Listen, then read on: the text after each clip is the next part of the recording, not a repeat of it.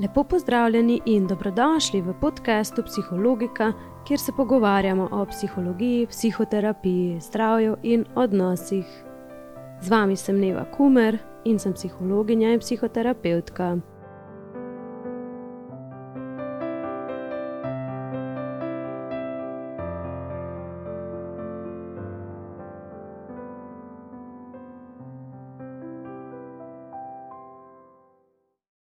Pozdravljeni v peti epizodi Psihologika podcasta. Danes bomo govorili o tem, kaj naš um počne.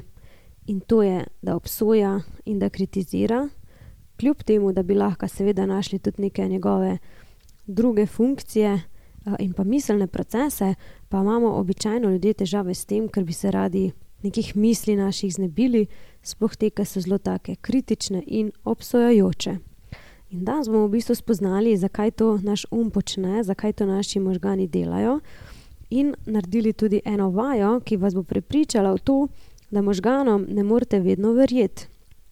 To vam lahko pomaga pri tem, da se boste drugi čujili v neke vaše neprijetne misli, tako kritične in obsojajoče, da boste mogoče lahko eno distanco do tega naredili. Kar je tudi v bistvu namen. Tega le današnjega podcasta, da bi se mogoče malo naučili, kako se v bistvu od tega, kar dela naš um, distancirati. Prvo naj povem to, da se zakaj pravim distancirati? Zato, ker v resnici pač našega uma ne moremo spremeniti. Razen če bi, naprimer, rekli, da naj nam odrežejo ven pol možganov, pol mogoče enih funkcij ne bi imeli ali pa ne vem, ljudje včasih rečejo, da bi se rad več tega spominjal, pa tudi ne spomina ne bi imel, ali pa ne bi rad imel teh čustev, pa pa tudi čustev ne bi imel, ampak vse to je mogoče samo, če pač možganov ne bi imeli. Tako da vsi, ki ste imeli neko idejo o tem, da bi radi spremenili vaš um na način, da bi razmišljali samo pozitivno ali pa bolj pozitivno, ali pa da ne bi več skrbeli, ali pa da ne bi več imeli nekih, nekih neprijetnih misli vas moram razočarati, da to žal ni možno. Ampak nič hudega. Um, v bistvu to sploh ni slaba novica, ampak je v resnici dobra, ker lahko izkoristimo te naše možgane oziroma ta naš um, kar se da praktično in koristno za naše življenje. In danes bomo tudi zvedli, kako. Um, Dajmo najprej mičken sam pomisliti, kako je sploh vaše mnenje o tem našem umu. A je to nekaj, kar mislite, da se da ustaviti, a mislite, da lahko ne vem, nek tok misli prekinjamo, a mislite, da je res tako, da če mislim ne vem, negativno, da se mi bojo negativne stvari dogajale. Potem, ali ste mnenja, da lahko svoje misli kontrolirate, ali pa tudi to, da v bistvu, če že na neki pomislim, pa bom to sigurno tudi naredil, v smislu, da je neka misel enaka našemu obnašanju, da tukaj vmes ni nič, torej to je enako potem mogoče, če mislite tudi to, da to, kar mislite, da ste, ne mislim, torej sem, sem kar mislim, ne, torej, da smo mi naše lastne misli, to bi pomenilo, da vse, kar pomislimo, smo mi in da je to v bistvu neka resnica. Mogoče si to mislite v našem umu, pa v mislih. In pa mogoče, če mislite tudi na to, da neka realnost, v kateri živite, da jo pač ustvarjajo misli, ali naprimer ste bolj mišljenja, da realnost ustvarja realnost, torej da misli mogoče tukaj niso zmeri čist resnične, glede na to, kaj se dogaja okoli nas. Um, in pa v zadnjih, bom rekel, desetletjih je pa predvsem popularno to, da imamo neko moč nad mislimi, oziroma da imajo misli moč in da vse, kar jaz razmišljam, se bo resničilo. In iz tukaj ven je tudi porastel ta nek pozitiv tok, neko to pozitivno mišljenje. In tudi mojim klientom tukaj povem, da to v resnici ne obstaja, da sicer je super, če si lahko damo neke spodbude, pa pohvale, ampak da je to v redu, če je to resnično, če je to realno. Ne, ne pa da v bistvu si mi usiljujemo neke pozitivne misli, zato ker mislimo, da bojo pač te imele večjo moč, v resnici pa primarno mislimo, da imajo večjo moč negativne, zato pa jih tudi hočemo zamenjati. Ampak ok, ne, vseh teh postavk, ki sem jih zdaj le povedala, ker lahko imamo neko mnenje o tem, kaj so to misli in kakšen učinek imajo v našem življenju, in pa tudi v samem načinu delovanja našega uma, bomo mičken danes pogledali. Uh, tako da, ja, zdaj, če ste, ne vem, recimo, ki sem jih naštela, mičken ugotovili, uh, katera, uh, katera je za vas značilna, jo lahko zdaj malo kar zadržite ob sebi in skozi tale podcast preverite, ali je to res, ali je to mnenje, ki ga vi imate, res koristno za vaše življenje. Ok, tako da ja, pač naš um pretežno procesira neke misli, procesira tudi neke spomine, procesira tudi neke predstave. Načeloma občutke ravno ne, no, čeprav jih, ampak jih potem pač čutimo v nekje v telesu in potem mogoče te občutke bolj povežemo s telesom kot pa samim umom. Z umom največkrat pač povežemo neke misli. In danes ne, se bomo pogovarjali o tem, je vse to, kar počne naš um, res tako koristno za nas. In dajmo si najprej malo pogledati, kaj sploh naš um počne. Um, Prvo, kar običajno ljudem pade na pamet, je to, da misli, seveda, ne, to smo že povedali, da naš um veliko misli procesira dnevno. Mislim, da jih je tako na tisoče, pa še od teh na tisoče, mogoče jih je ne vem, pet tisoč do deset tisoč takih, ki se nam, bom rekla, ponavljajo, ko so vezane na neko naše življenje. Potem pa seveda je tudi nek delež misli, ki se jih sploh ne zavedamo, ali pa jih sploh ne vemo, da smo jih imeli, ali pa so zelo take avtomatske zelo hitro pridejo, oziroma reka, nas prešinejo in potem tudi grejo, in mogoče se čez eno uro ali pa že čez ne 15 minut sploh ne spomnimo več, na kaj smo pomislili. Tukaj bi rada sam podala eno razliko, da na to, kar smo pomislili, ni čisto enako kot na to, kar mislimo oziroma razmišljamo. Torej, na to, kar smo pomislili, se bolj nanaša na tiste neke kratke misli, ki jih imamo ne vem, lahko so pač res da neprijetne, v smislu, ne vem, da sem tik pred izpitom, pa pomislim, ne bo mi uspelo. Ali pa razmišljam nekaj časa o tem, pa si razlagam, ne bo mi uspelo, mogoče bo to vprašanje, joj, kaj pa če bom dobil tri vprašanja, na katera ne znam odgovoriti, kaj bodo drugi rekli. To pa že mogoče naslanja na nek miselni tok. Tako da to bomo mičken ločili, da so to neke misli, neke avtomatske misli, na katere pomislimo in pa na nek daljši miselni tok, ki ga bomo označili bolj kot nek miselni proces in ga tudi povezali v bistvu s tem, kar možgani delajo. Ok, tako da prvi tisti nek del ne, tega je pač ena misel, pa imamo pa pač tudi neke ne, skupine misli ali pa sosledje misli, ki jih lahko povežemo v nek miselni tok. In to, kar možgani delajo, in to se čisto vsi klienti tudi z mano strinjajo, je to, da veliko analizirajo, da veliko nekaj sklepajo, predvidevajo, razmišljajo, da ska tudi nekaj napovedujejo, skrbijo. To so neke, neki miselni procesi nekih mo naših možganov, seveda pač polnjenih misli so noter, ampak to naslavlja pre predvsem ta nek miselni proces. In dajte mi malo povedati, ker no, povedati mi ne morete, ampak dajte malo sami sebi odgovoriti na tole vprašanje, kaj vaš um počne. Kaj vi opazite, da vaš um pretežno počne? A je to ne vem, pač neko, bom rekla, nek nevtralen miselni tok, ali je to več katastrofiziranja, ali je to več analiziranja, ali je to več ne vem, predvidevanja. Potem, doskrat, kar tudi ljudje delamo, je, oziroma bom rekla, naš um počne je to, da se, se v bistvu obnašamo, kot da znamo brati misli, torej, da beremo misli, ne, torej, da zmeri nekaj komentiramo, mogoče sami pri sebi, kaj si zdaj nekdo drug misli o nas, ker je tako pa tako pogledal. Tako da um tudi to počne. Jaz rečem, kao bere misli, ker seveda, da jih pač ne moramo brati. Tako da, dajte malo sami pri sebi zelo razmisliti, kaj vaš um počne. In ali so to neki bolj nevtralni procesi ali je tudi veliko teh nekih kritičnih. Ker danes bomo posvetili pozornost prav temu, ne, temu delu, ki je zelo kritičen in zelo obsojajoč. Tako da, ja, večina mojih klientov reče: Ja, jaz ful veliko časa preživim v svoji glavi. Pa ne zato, ker bi bili moji klienti, ampak zato, ker je to normalno. In tukaj v bistvu mislim, ni normalno, da smo skozi v svoji glavi, ok, mogoče normalno snili prava beseda, ampak pač ni ok to za nas, a ne zato, ker lahko povzroči ful neprijetnih občutkov in niža kakovost našega življenja. Ampak tako, a ne. To, da smo v glavi, je seveda pač neka zmožnost naših možganov, nekega tega abstraktnega mišljenja, nekega skrbljenja, nekega, torej nekega razmišljanja o prihodnosti in pa seveda tudi o preteklosti. In pač je normalno, da človek večkrat se ujame v to neko mišljenje v svoji glavi in ni toliko prisoten v sedanjosti. Ampak to je vedno bolj problem. Zato bomo danes govorili ravno o tem, v tem umu, ki obsoja, ker preveč vrednoti, ker preveč uh, je kritičen, ker preveč nekaj analizira in vse te stvari počne.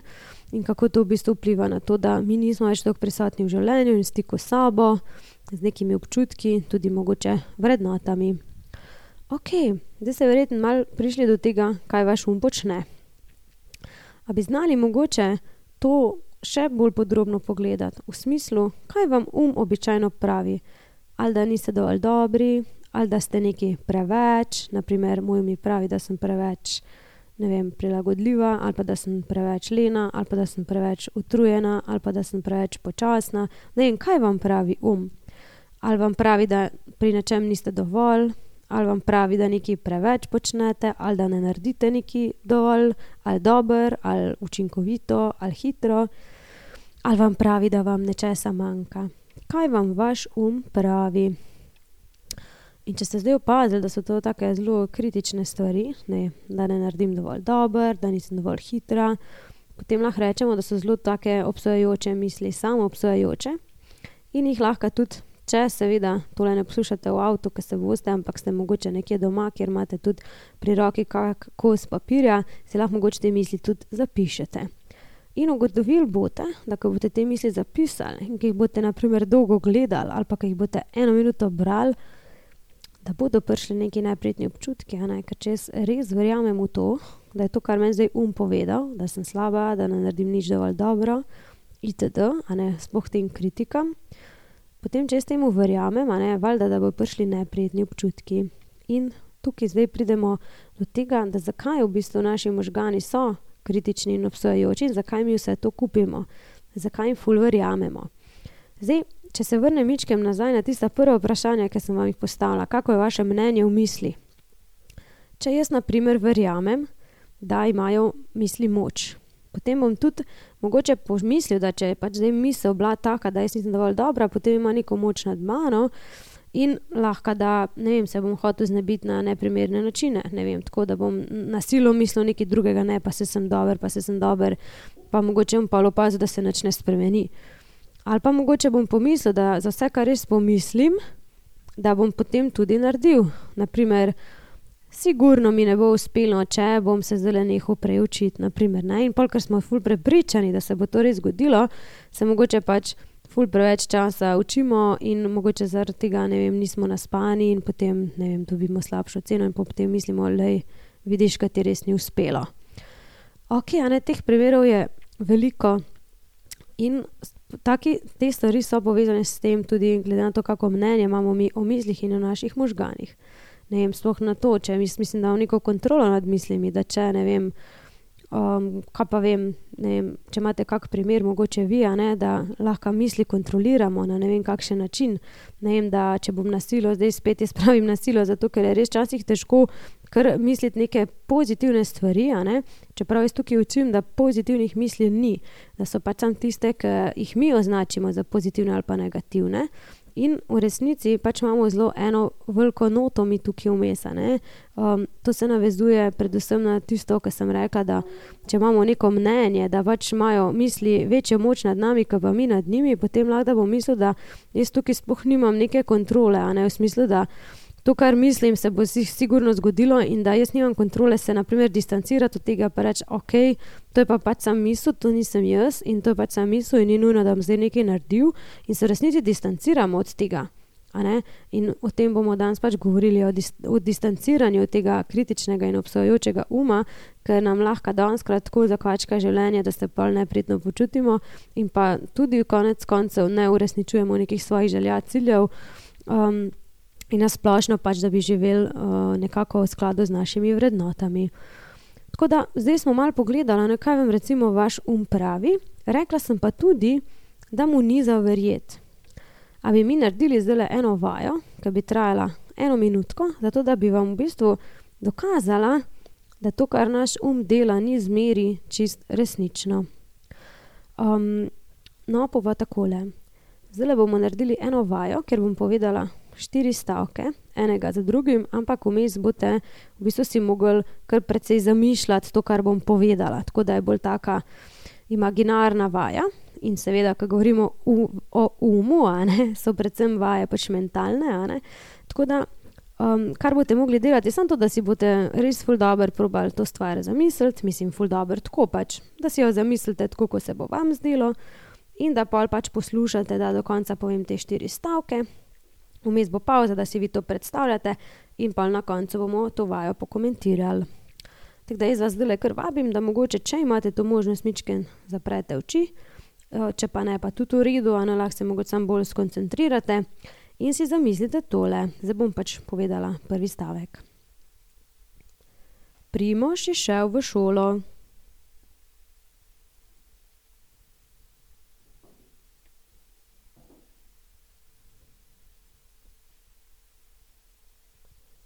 Skrbelo ga je glede ure telovadbe.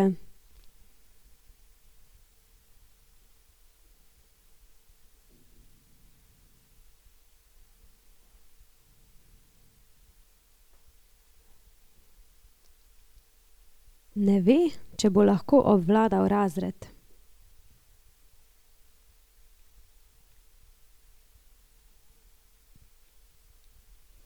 To niso naloge hišnika. Evo, lahko se vrnete sedanji trenutek, če ste slučajno tukajle um, zaprli oči pa se majčkeno bolj poglobili. Kaj se je zgodilo s tem malemu primežu? Zdaj, ker pač nismo tukajle ena na ena pri meni, um, bom v bistvu pač samo povedala, kaj se najpogosteje tukajle s klienti pogovarjamo. In sicer večina ljudi si zamišlja Primoža kot enega otroka, ne, z neko torbo, ki gre v šolo, in zelo pogosto si ga predstavljamo ljudje na način, ki smo mi šli v šolo. Ne, ne vem, mogoče to bila neka pot, ki smo mi hodili, ali pa ne vem, neke podobnosti so bile glede na neke naše izkušnje in spomine, glede na šole ali pa poti ali pa tiste torbe. In pa, ko začne, ko povemo, da pač Primoža skrbi, kako bo pač na telovadbi, ne zelo veliko ljudi pomisli, ne vem, da mogoče pač ni motorično spreten, da ga skrbi, da bo zmogel tam nek poligon ali pa se vključiti. Eni pomislijo na to, ne vem, da je pozabil športno opremo, pa da pač ga bo strah ali pa stram zdaj tega. Tako, ne, tudi mogoče spet upeljemo tudi neke naše lastne izkušnje ali pa pač nek spomin, ki je dejansko pač nek naš spomin bil glede športne delovadbe. Pol pa postane mičken zanimivo, kar rečem, da ne ve, če bo obvladal razred eni so tukaj še zmeraj pri tem primožu, ki je pač otrok, ne, torej nek šolar.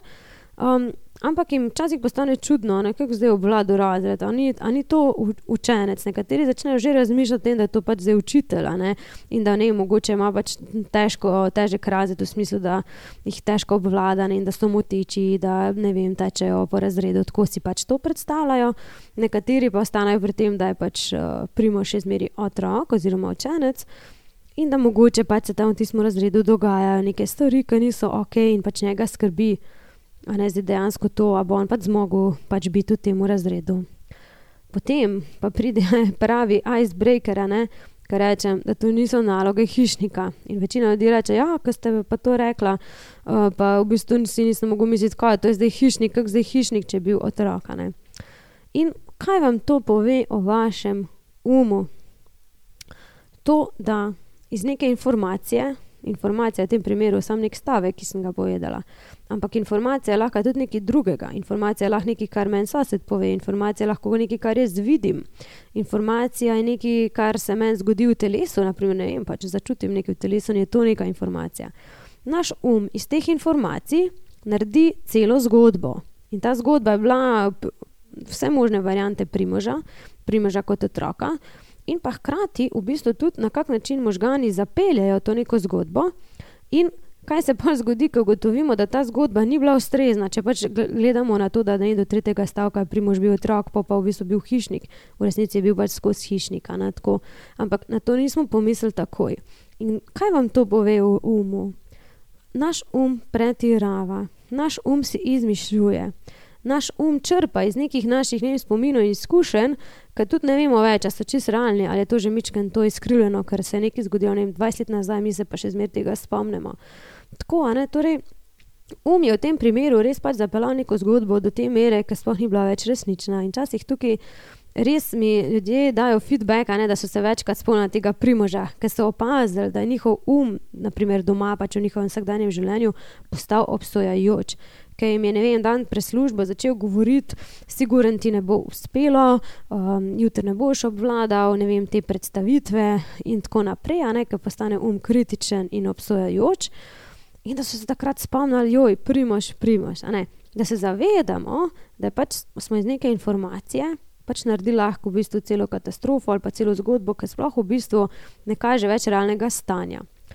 In če se zdaj vrnemo na začetek, kaj, kaj nas um počne in v bistvu zakaj lahko pač te stvari, ki jih mi kupimo, ne, torej mi kupimo te misli. Jaz včasih pač rečem ljudem, da je to tako na tržnici, ker nam en tam prodaja pač nekaj, kar mi vemo, da mogoče ni dobro za nas, mi pa vsem to kupimo, ker nekako pač včasih nimamo možnosti, da bi se zavedali tega kaj naš um počne, včasih pa že tako dolgo več živimo s temi nekimi zgodbami, da se v bistvu ful v njih povežemo. Lade že celo življenje vse mislim, da mi mogoče ne bo uspelo, sicer neke stvari mogoče so mi, ampak včasih ljudje rečejo, ne, mene to spremlja že skozi, da nisem dovolj dobra, da bi mogla še več narediti. Ali pa prepoznajo občutke ob tem. Ja, meni se zdi, da ne, sem že celo življenje malo pod pritiskom. Ne, v smislu, da čutim pogosto anksioznost, tesnabo in tako naprej. Tako da kar se tega tiče, ljudje kar precej v bistvu znajo povedati, ne, da, da je nekaj, kar jih skozi spremlja. Kar pomeni, da mogoče se nismo tako uspešno soočali s temi stvarmi, zato ker je to težko. Težko je ne? in tudi dis delati distanco do našega uma ni enostavno, zato ker v resnici nas to nihče ne nauči za res, lahko nas pač posredno preko vzgoje, preko izkušenj, ampak načeloma, ko govorimo pač res o učenju distance, tukaj pa jaz v bistvu grem zelo na to čuječnost, na mindfulness, ki nudi res ene tehnike, ki so lahko meditativne, lahko so pa tudi čisto praktične, ki nam nudijo v bistvu to možnost, da se jaz naučim, kako se pač dejansko distancirati od tega, kar moji možgani govorijo. Ker če si predstavljamo, kako se lahko mi distanciramo nekih stvari v življenju, ne vem, mogoče pač hodim po ulici, pa tam opazim, da se ne en dva kregata in se jaz lahko pač distanciram tako, da ne grem en krok bolj desno na mesto pač direkt mimnijo, če me razumete.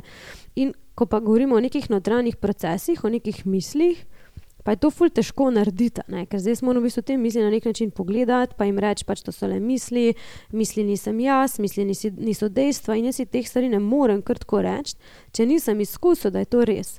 In zato je ena taka levaja s tem primožem lahko ena izkušnja za tiste, ki seveda ste res to naredili ali pa pač boste mogoče naredili, da je drugič. Uh, Um, tako da, ja, to je recimo ena taka vaja, kako pogledamo, da kaj naš um v resnici počne. In to pomeni, da si veliko zmišljuje. Tako da zaradi tega, ker si veliko zmišljuje in mi verjamemo v to, da vse, kar se sprocesira v naših možganjih, da je res, lahko res živimo pač slabšo kakovostno življenje ali pa z veliko nekih neprijetnosti, ker Tako smo povedali, ne, logično je, da če se jaz ujamem v te vse, vse to, kar mi um pravi, ker ste pač tiste na začetku razmišljali, ne vem, da mogoče niste dovolj dobri, da ne delate dovolj dobro, da bi mogli še več, da morate veliko delati, da niste uspešni, da ne dosegate ciljev. V realnosti pa v resnici zmeri najdemo stvari, ki jih ljudje naredijo in dovolj dobro, in dovolj uspešno, in dovolj hitro, in dovolj ob nekem času, ali kakorkoli je že to kriterij.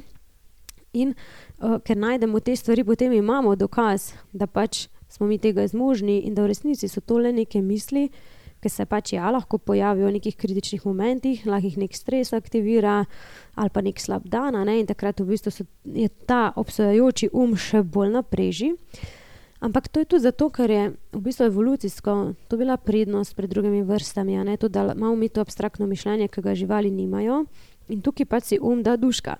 Včasih je bilo res pomembno, da smo nekaj skrbeli, pa smo planirali, kako se bo kaj zgodilo, pa res vse možnosti prečesali, zaradi tega, da bi se bolje pripravili na življenje in s tem potem tudi lažje preživeli. Ampak danes res ne govorimo več o takih preživetih fizičnih, a ne v smislu, da ne vem, a bo mene lev pojedel ali pa bom jaz njega ampak bolj v enih takih namišljenih nevarnostih. Lahko je ogrožena naprimer naša identiteta ali pa neke naše vrednote. Lahko da ne vem, se nam zdi, da bomo doživeli neko psihološko smrt ali pa socialno smrt, če nekih stvari ne bomo dovolj dobro naredili, dovolj hitro, dovolj na nivoju ali pa ne vem, da smo slabi, da nismo uspešni, ker si potem seveda v teh scenarijih zamišljamo najhujšo stvar. Tukaj pa naj tudi ljudi vprašam, ok, pa kaj je najhujšega, kar se lahko zgodi. Ja, naprimer, da me bo šef kregal. Ja, ok, in pač vas bo in kaj bo potem, ne, ma boste res izgubili službo zaradi tega, ja, neverjetno ne bom. Um, in ne vem, ali pa ne vem, bo res to vplivalo potem na vaše življenje na tak način, kot si vi zdaj zamišljate, da je to konc sveta, da ne boste več mogli živeti, ker včasih pač ljudje res doživljajo eno tako hudo tesnobo glede teh situacij kot da bo konec sveta. In tukaj res super obsojajoči um odigra svojo vlogo katastrofiziranja in obsojanja. Ne? Tako da lahko se to tudi vprašate, ampak po večini se te najhujši scenariji ne zgodijo. Ampak mi umu verjamemo, da se bodo. In potem se tudi hočemo pripraviti na te scenarije, in se v resnici ne moremo, ker to se nekje v glavi poteka in ni nekih ponadi oprijemljivih rešitev. In pa tudi, ne, ker se ne moramo pripraviti, si pol vse pripisujemo to napako, ne, da se mi nismo zmožni na vse pripraviti in mi nismo zmožni v bistvu biti dobri, tako kot bi naš um to želel od nas.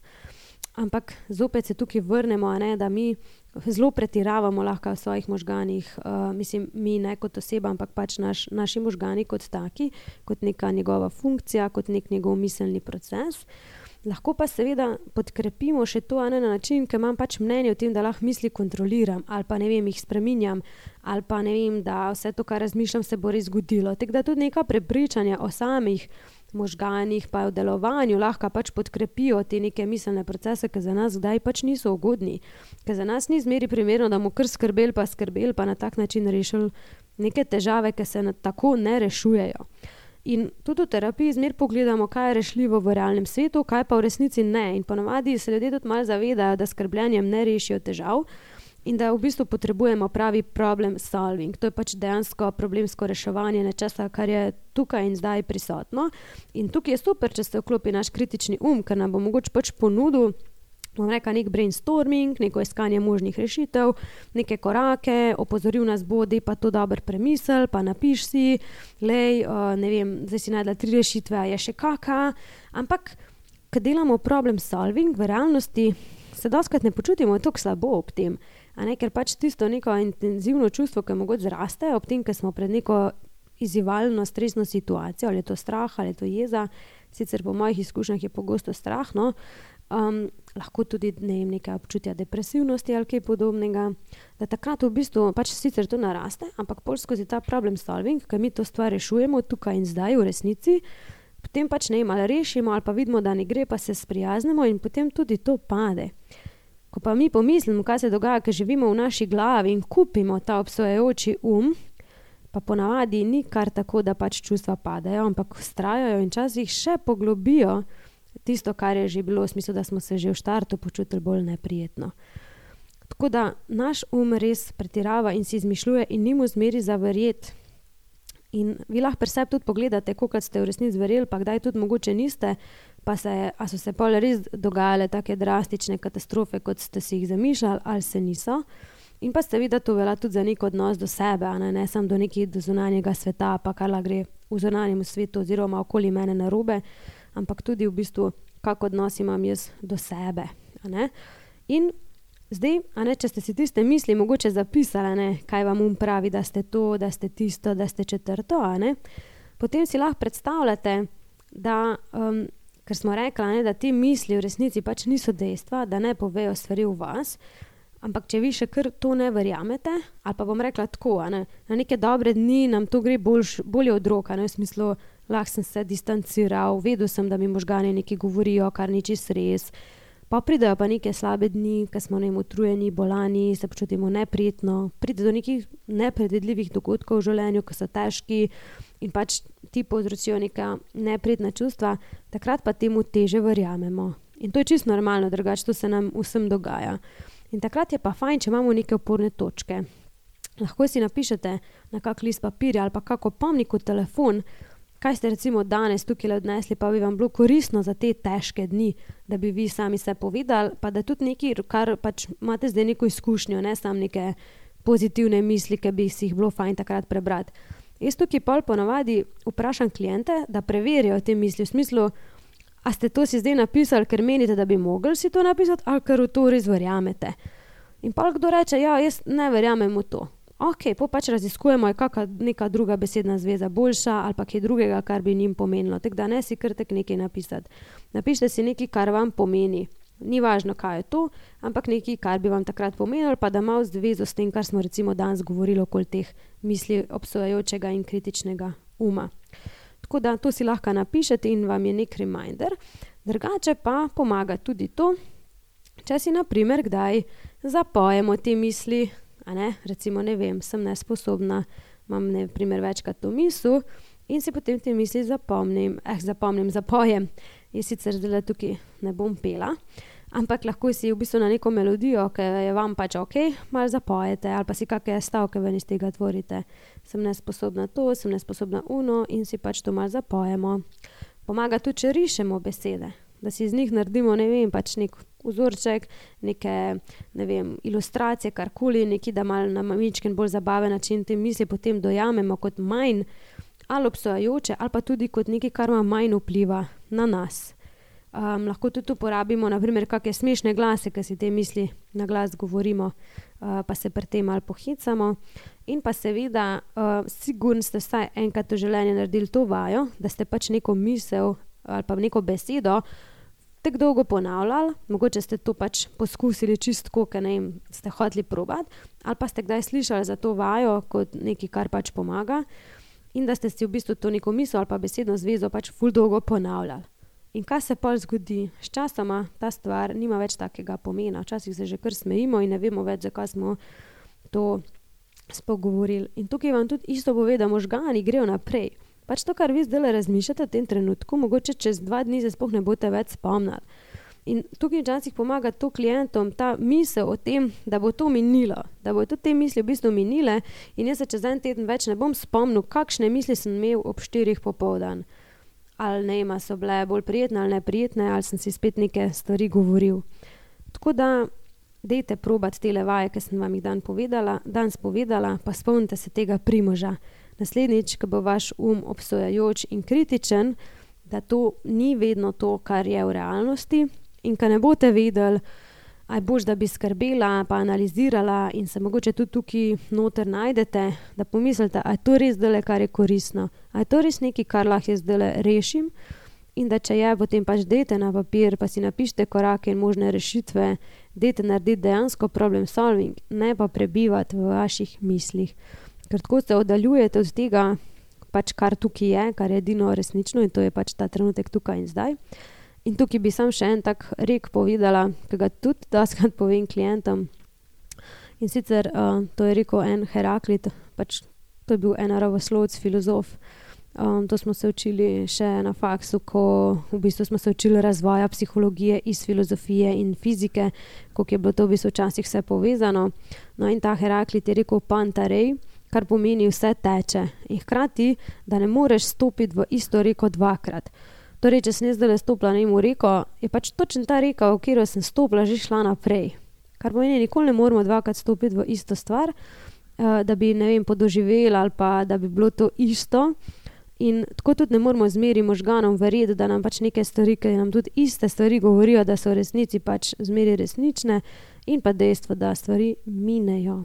Mine je tudi to, da vi katastrofizirate, da si neke neprijetne stvari govorite um, in tudi to mine. Sam vi morate dovoliti vašim možganom, da pač oddelajo to, kar oni delajo, in se ne preveč v to ujet. Če pa imate glede tega kakšne težave, pa lahko mogoče kdaj drugič naslovimo tudi še kakšne druge vaje. Tako da možganom ni vse zaverjeti in vedno bojo obsojali in kritizirali, ampak mi se pa lahko odločimo, kako bo to vplivalo na naše življenje in dejansko tukaj imamo moč in svobodo ne pa nad mislimi samimi. S to mislijo se danes tudi poslavljam od vas in upam, da so vam bile te levaje oziroma izhodišča za razmišljanje zanimive. Vas pa tudi vabim, seveda, da obišete še moj Instagram profil in prečekirate še ne druge teme ali pa kakšen blog na moji spletni strani, kjer so včasih takele stvari z vami tudi podrobneje razložene. Tako se slišimo v naslednji epizodi.